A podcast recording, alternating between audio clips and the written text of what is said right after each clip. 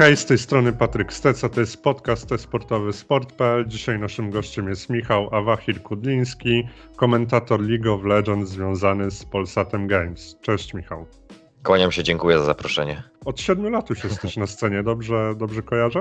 Tak, właściwie dokładnie wczoraj, we wtorek 23, um, 7 lat mi skoczyło równo. E, od oficjalnej transmisji pierwszą, jaką komentowałem, e, to był turniej w rodzinnej, przy rodzinnej miejscowości. To był turniej 3 versus 3.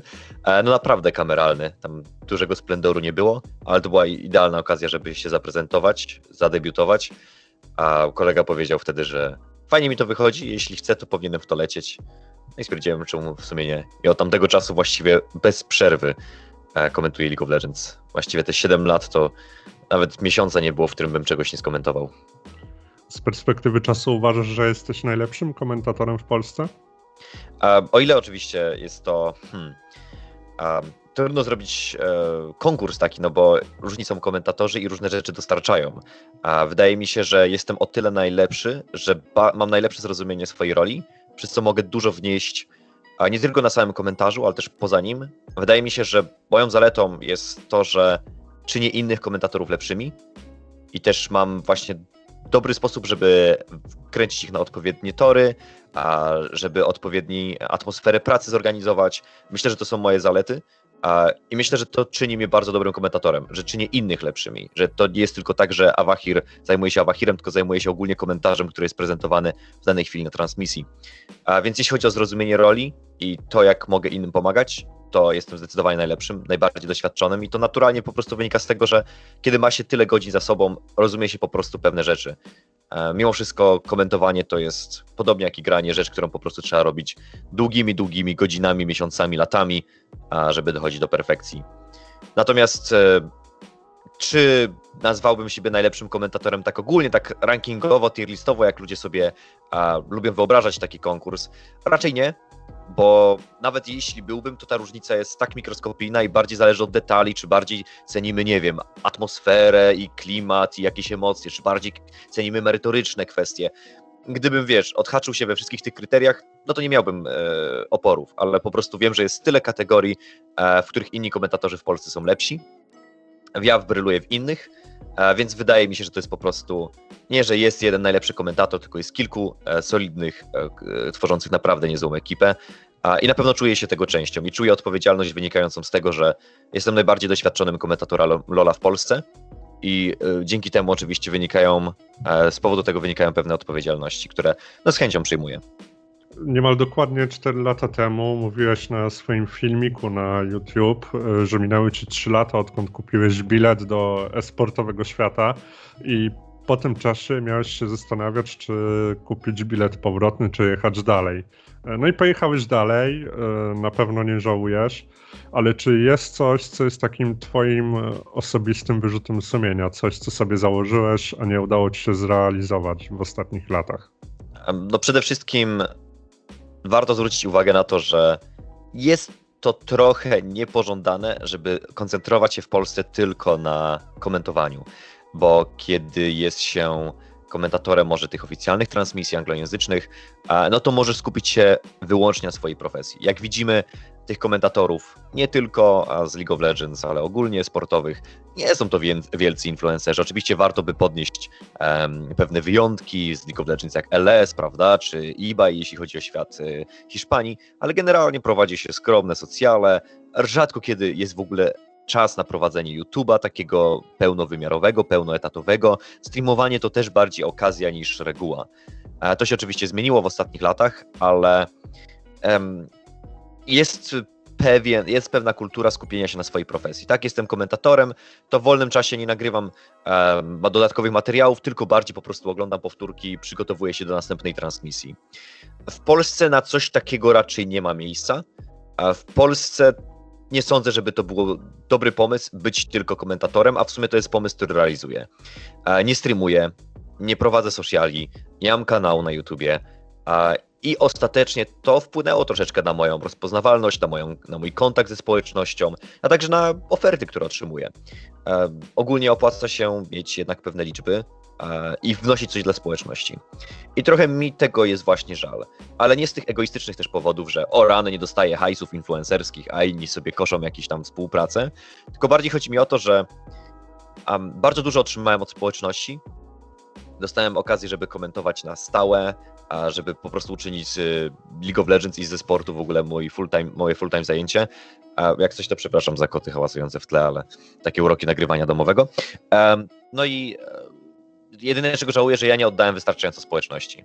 Wydaje mi się, że więcej streamując merytorycznie, a może pewne rzeczy, jakieś powtórki oglądając, e, pewne rzeczy analizując, wrzucając więcej jakichś tam działań publicystycznych, więcej bym oddał społeczności, więc to jest, sumując, coś trochę, czego żałuję, że więcej chyba brałem od sportowego świadka niż dawałem, a, więc staram się dlatego przede wszystkim dawać siebie zawsze 100% na kaście, bo to jest obszar, w którym wiem, że zawsze mogę zaoferować i w jakiś sposób odwdzięczyć się za wszystkie okazje, które są mi dawane i szanse. Dwa lata temu w wiedzy dla weszło dostałeś pytanie, które brzmiało tak. Kiedy Awahit się skończy? Wyobrażasz sobie, że za dwa lata pojawi się komentator najwyższej klasy i zmusi cię do ukończenia swojej pracy? I odpowiedziałeś wtedy nie, bo będę lepszy od niego, mam wielką przewagę, czteroletniego doświadczenia na start.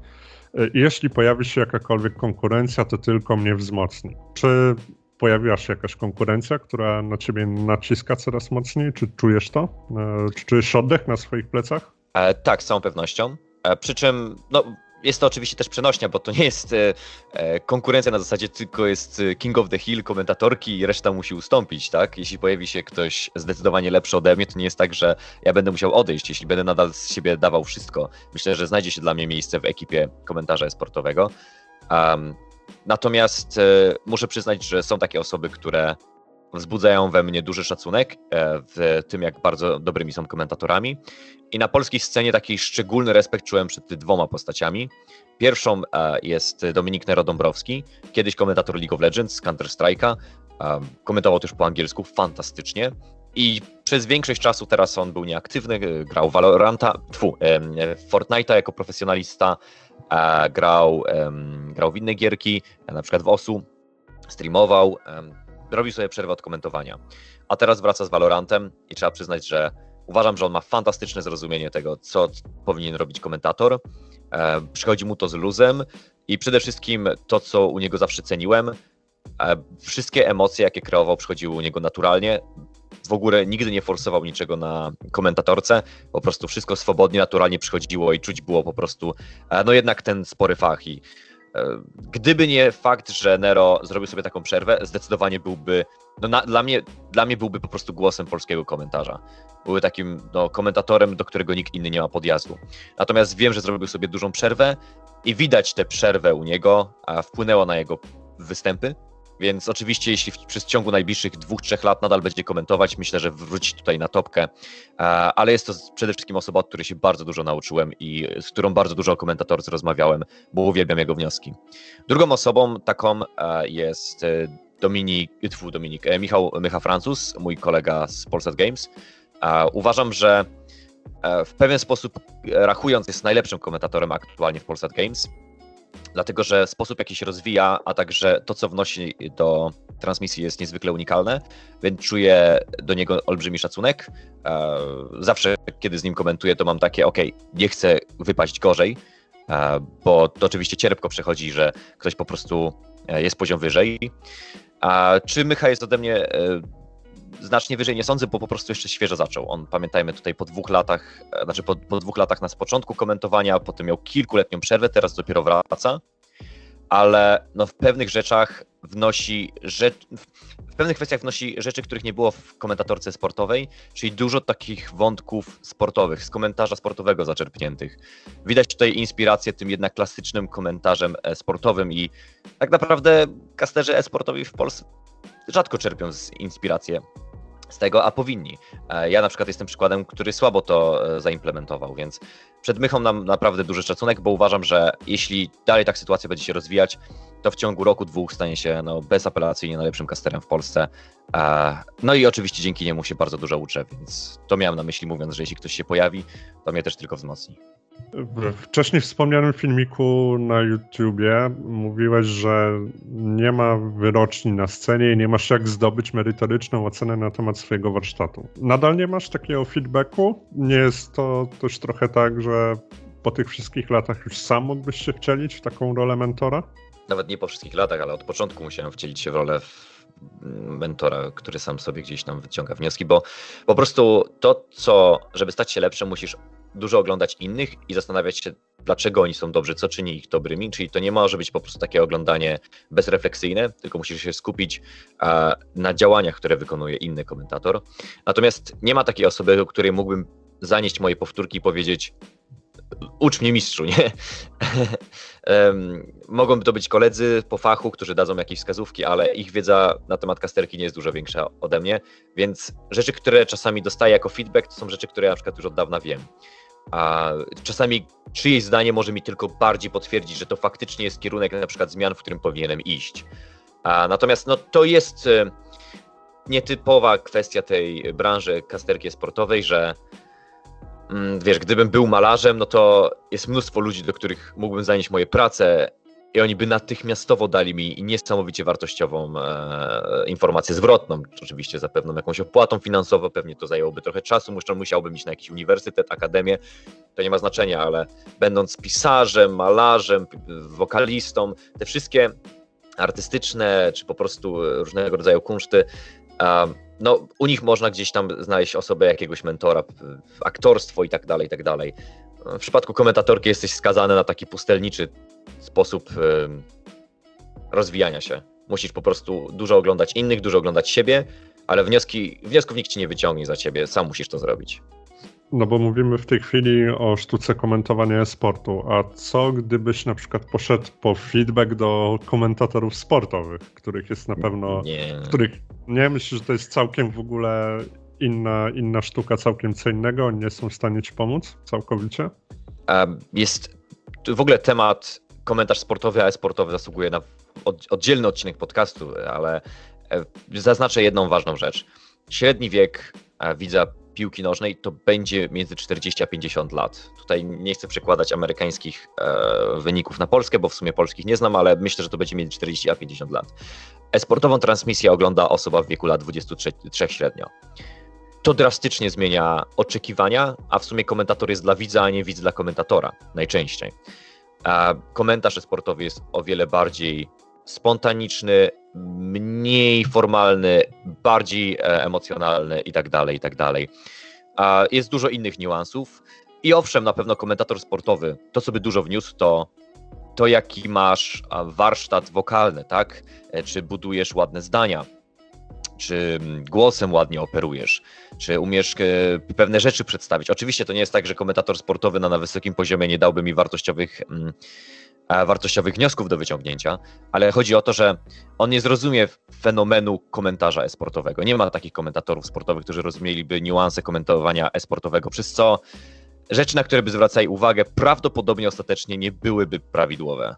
Często słyszymy narzekania na komentatorów w Polsce. Jak myślisz, z czego to w ogóle wynika, że aż tak polska społeczność sportowa narzeka na, na tą grupę? Bo słyszymy, że w Polsce nie ma dobrych komentatorów. Widzimy komentarze, że ludzie wybierają za, zagraniczne streamy, żeby posłuchać zagranicznych komentatorów. Ja osobiście nie uważam, że nie ma w Polsce dobrych komentatorów, ale co, co ty sądzisz na ten temat? Z czego to w ogóle wynika?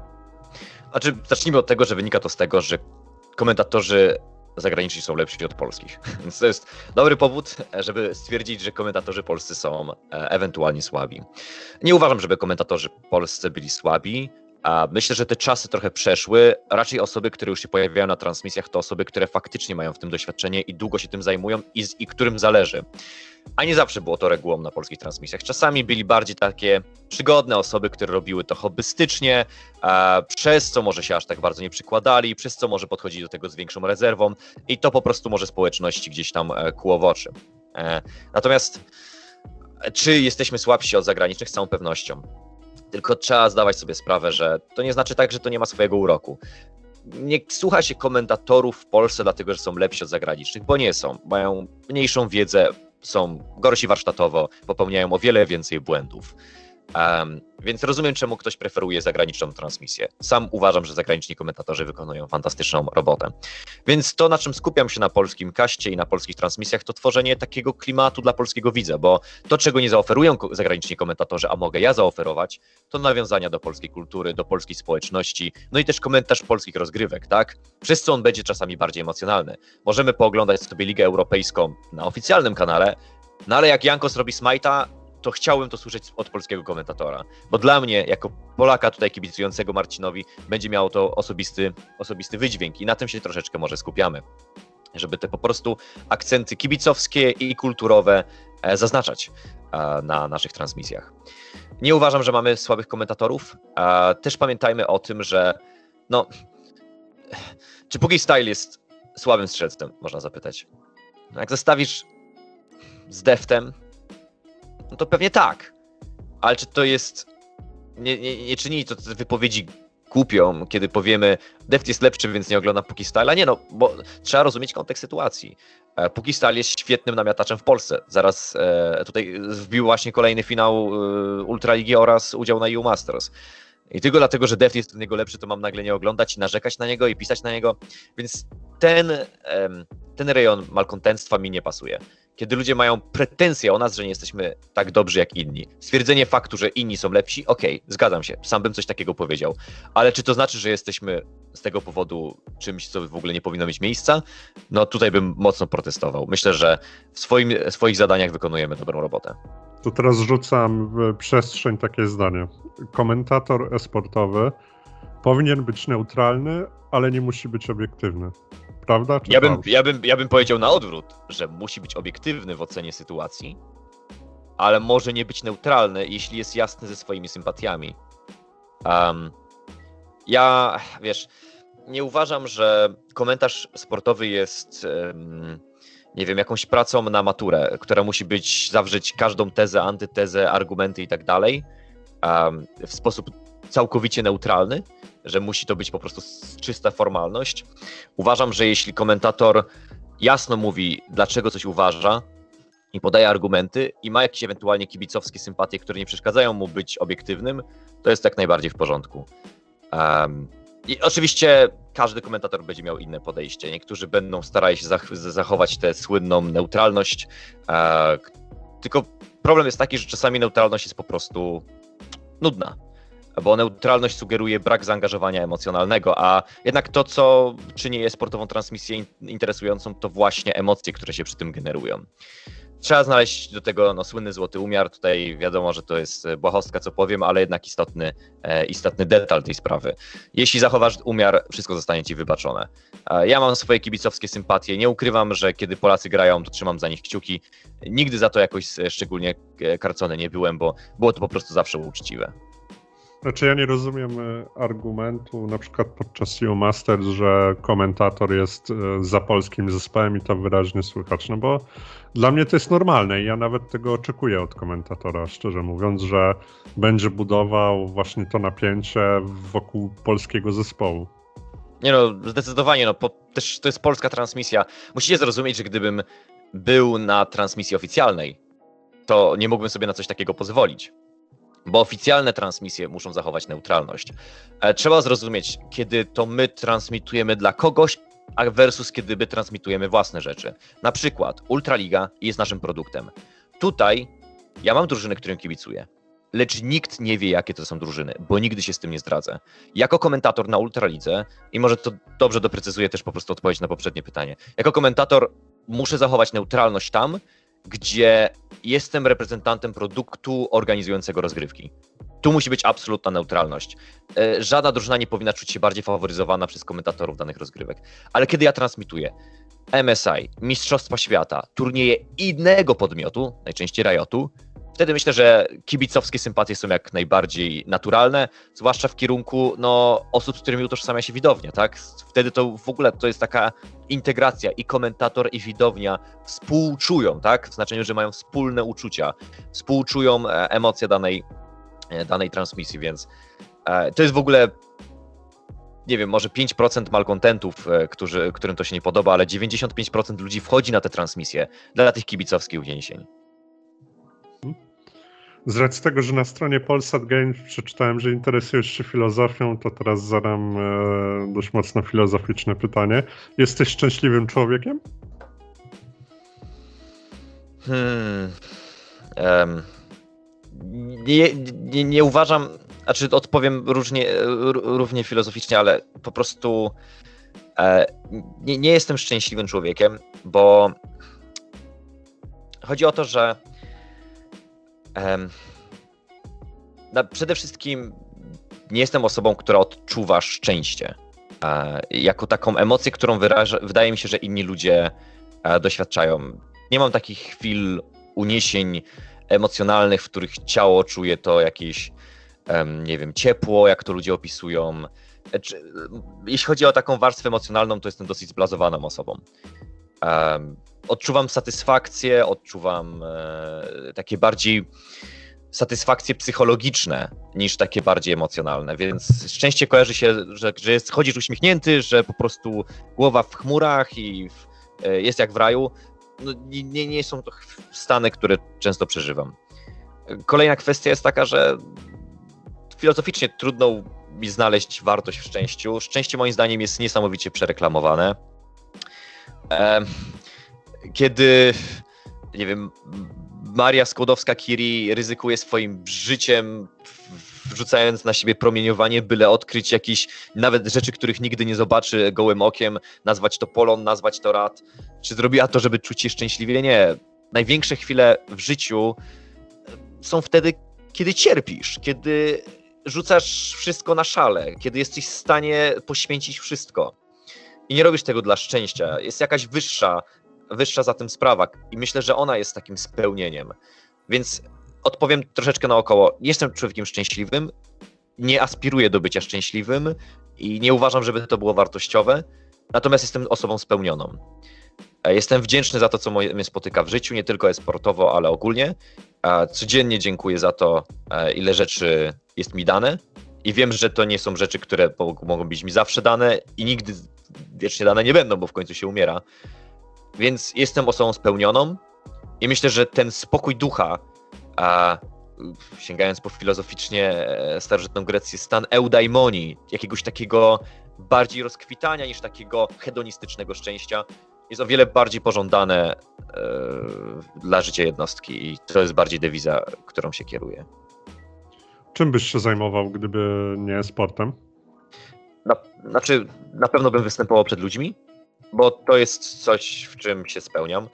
Uwielbiam e, dzielić się swoimi przemyśleniami po prostu z ludźmi, e, więc takie rzeczy jak aktorstwo byłyby dla mnie niesamowitym spełnieniem, a, albo występy publiczne, więc na pewno coś takiego bym robił i to chcę robić przez całe życie.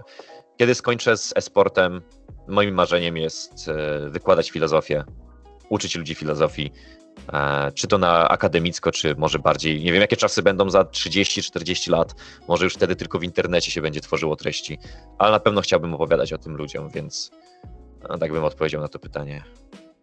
A masz czas na inne gry niż League of Legends? Co robisz w wolnym czasie?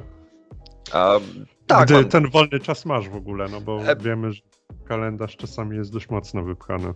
Tak, jak mam sezon, to tego czasów wolnego jest nieco mniej, jak jest off-season, to coś się znajdzie. E, na pewno uwielbiam karciankę od Riotu, Legends of Runeterra i gram w nią no, może nie aż tak dużo, ale na przykład jak mam odpalić streama for fun, a nie na przykład, o, jest LPL, czas zobaczyć pojedynek, e, to odpalę sobie właśnie Legends of Runeterra, jakieś wideo czasami na YouTubie obejrzę. No i szachy. E, nie ukrywam, że ostatni hype, który się zrobił dookoła królewskiej gry, wciągnął mnie z powrotem, bo to była gra, którą, e, którą w dzieciństwie bardzo dużo, e, której dużo czasu w dzieciństwie poświęciłem. Więc skoro wszyscy teraz grają w szachy, transmitują szachy, rozmawiają o szachach, no wciągnąłem się w temanie. No i nie ukrywam, partyjkę lub dwie dziennie trzeba rozegrać. No ale widziałem, że grałeś w szachy zanim to było modne właśnie, bo ym, na sportowych świerach wyłapałem jakiś post właśnie dotyczący turnieju szachowego gdzieś 4 lata temu. Tak, więc, byłem więc organizatorem pierwszego turnieju esportowego w szachy. I to właśnie z 4 lata temu na Kurniku wtedy jeszcze zrobiliśmy. E, to prawda, bo uważam, że jest coś uroczego w tym, że no, jakoś tak się zdarzyło, że nasza społeczność jest sportowa, przynajmniej lolowa, gra w szachy. Na przykład, nie wiem, ogólnie lolowa e, społeczność zagraniczna to na przykład dodatkowo lubi anime. I komentatorzy z Berlina na przykład dużo gadają o anime. A u nas w Polsce po prostu naszym jakimś małym hobby pobocznym jest granie w szachy. Wszyscy gracze grają w szachy mniej lub lepiej. E, gra się tutaj na różnych posiadówach, gra się tutaj przez internet. Super sprawa, więc dlatego zorganizowałem ten, ten turniej. No a ja szachy poznałem już w wieku lat trzech, bo moja mama była niezwykle utalentowaną szachistką, wysoko, wysoko notowaną w rankingu. E, No i dzieciakom pokazała szachy właściwie od samego początku, więc e, właściwie przez całe życie towarzyszy mi tych e, 64 pól. No i super, dzięki w takim razie za rozmowę. Naszym gościem był Michał Awachir-Kudliński, komentator League of Legends. Dzięki jeszcze raz.